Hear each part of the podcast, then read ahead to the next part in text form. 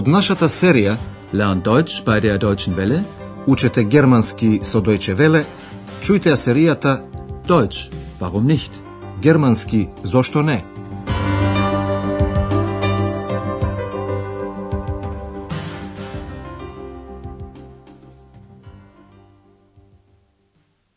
Liebe Hörerinnen und Hörer. Добар ден, почитувани слушателки и слушатели. Наред е 25-та лекција, под наслов Јас ке го платам рестото. Их пецале ден рест. Во последната емисија слушнавте како Андреас, господја Бергер и Екс беа во една пицерија на јадење. Господја Бергер беше љубопитна да дознае за гласот што често го слуша во близина на Андреас. Da ist sie ja wieder, ihre zweite Stimme. Веќе ви е познато дека станува збор за екс, кој е невидлив.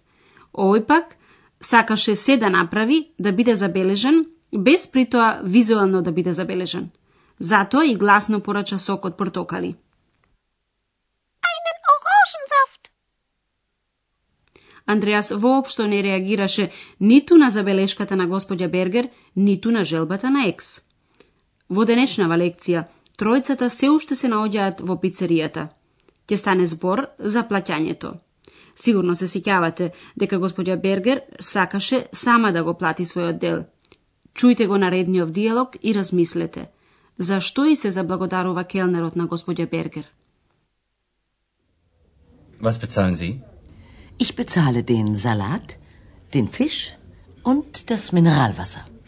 5 plus 15 plus 2,50. Das macht 22 Mark 50. 25. Vielen Dank. Келнерот се заблагодарува за бакшишот што му го даде господја Бергер. Салатата, рибата и минералната вода заедно чинат 22 марки и 50 фенинзи. Das macht 22 Mark 50. Господја Бергер ја заокружува сумата, во која се наоѓа и бакшишот на келнерот. Таа вели 25. 25. Келнерот знае дека е во можност да врати кусур на 25 марки. Тој сега му се обраќа на Андреас, кој исто така сака да плати. Да го чуеме диалогот. Und Sie? Ich bezahle den Rest. Also eine Pizza mit Schinken. Ja, und das Bier. 8 plus 2,50. Das macht 10 Mark 50. Mein Geldbeutel. Ich finde meinen Geldbeutel nicht. Ich habe Ihnen sicher im Mantel. Einen Moment bitte. За плаќање се потребни пари и тие обично се наоѓаат во едно портмоне, гелдбойтл. Кој Андреас го бара? Андреас го плаќа она што господја Бергер не го плати, значи остатокот, рест. Ich bezahle den Rest. Келнерот брои, значи една пица со шунка. Also eine Pizza mit Schinken. Андреас го дополнува дека треба да плати уште нешто. Ja, und das Bier. Келнерот ги пресметува пицата и пивото. Тоа чини 10 марки и 50. Das macht 10 Mark 50. Како прво, Андреас го бара портмонето. Mein Geldbeutel. Последна надеж му е дека го заборавил во мантилот, мантел. Сигурно е во мантилот. Ich habe ihn sicher im Mantel. Мантилот виси во гардеробата и Андреас се упатува таму без да заборави пред тоа да се извини. Момент, молам. Einen Moment bitte. Екс се разбира, не се разделува од него. Ке разберете набргу зошто. Андреас мисли дека Екс е замешан во исчезнувањето на портмонето. Дали сомневањето на Андреас е оправдано?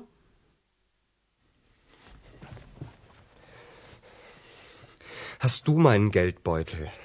Nein, ich habe ihn nicht. So ein Mist. Ich finde ihn nicht.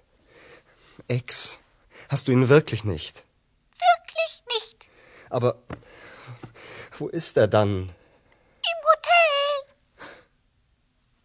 Und das sagst du erst jetzt? Du bist wirklich frech. Sowieso. Екс го немаше портмонето. Меѓутоа, забележа дека Андреас го заборавил во хотелот и сепак не му кажа навреме. Андреас го прашува Екс дали го има портмонето, Geldbeutel. Hast du mein Geldbeutel? Екс одговара, не, го немам. Nein, ich habe ihn nicht. Веројатно го разбравте значењето. Екс нагласува дека го нема портмонето, меѓутоа укажува дека би можело да се случи да знае каде е тоа. Да го чуем уште еднаш. Ich habe ihn nicht. Андреа се мошне налутен. Каква несреќа. So ein Mist. Потоа повторно прашува дали Екс го има портмонето. Ex. Hast du ihn wirklich nicht? Екс вистина го нема, а Андреас безпомошно повеќе се прашува себе си отколку Екс. А каде може да биде? Aber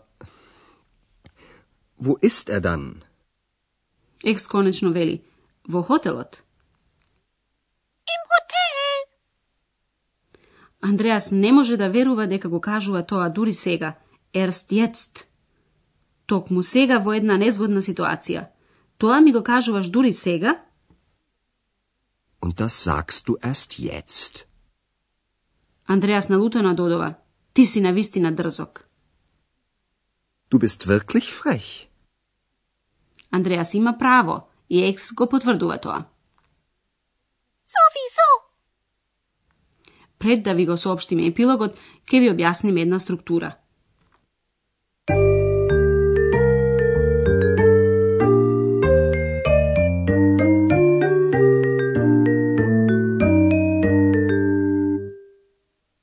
Станува збор за определениот член во акузатив. Кај именките од машки род, како der Zalat“ во акузатив доаѓа доменување на членот. Гласи den и се наоѓа пред определени глаголи. Да го чуеме примерот уште еднаш. Во почетокот, чујте го глаголот со додаток во акузатив. Bezahlen. Ich bezahle den Salat und den Fisch. Ich bezahle den Rest. Додатната форма за именките од машки род во акузатив, значи личната заменка, гласи in. Ihn. Ihn. Веројатно ќе ви помогне ако го забележите следново за именките од машки род. Der. Den. Ihn. Der. Den. Ihn. За тоа чујте уште два примера. Der Geldbeutel. Ich finde den Geldbeutel nicht. Ich finde ihn nicht. Ich habe den Geldbeutel im Mantel. Ich habe ihn im Mantel.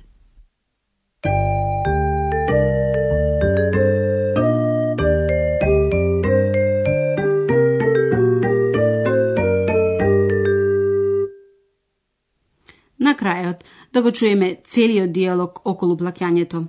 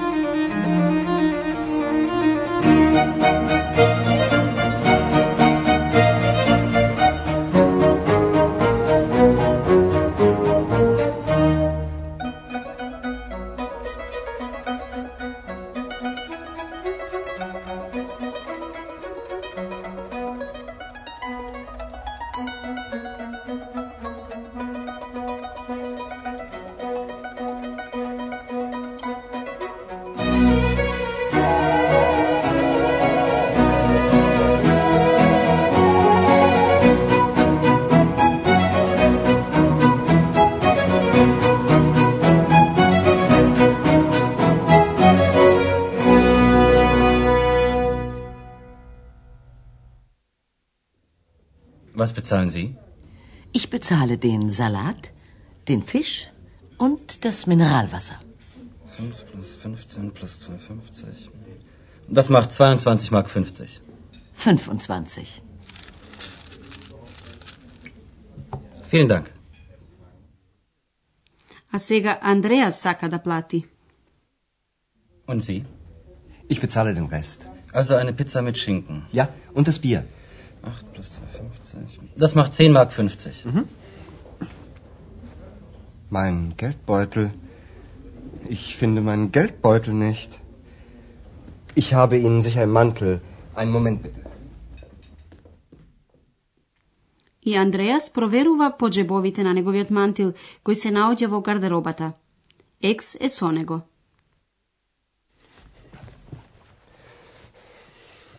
Hast du meinen Geldbeutel? So ein Mist. Ich finde ihn nicht. Ex, hast du ihn wirklich nicht? Wirklich nicht. Aber wo ist er dann? Im Hotel. Und das sagst du erst jetzt? Du bist wirklich frech. Sowieso.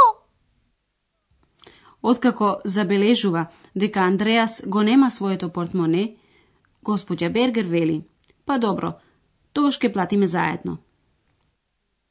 Na gut, dann bezahlen wir doch zusammen. Таа е уверена дека Андреас од почетокот играл на таа карта и таа учествува во играта. Толку за денеска и до слушање до наредната лекција. Auf Wiederhören.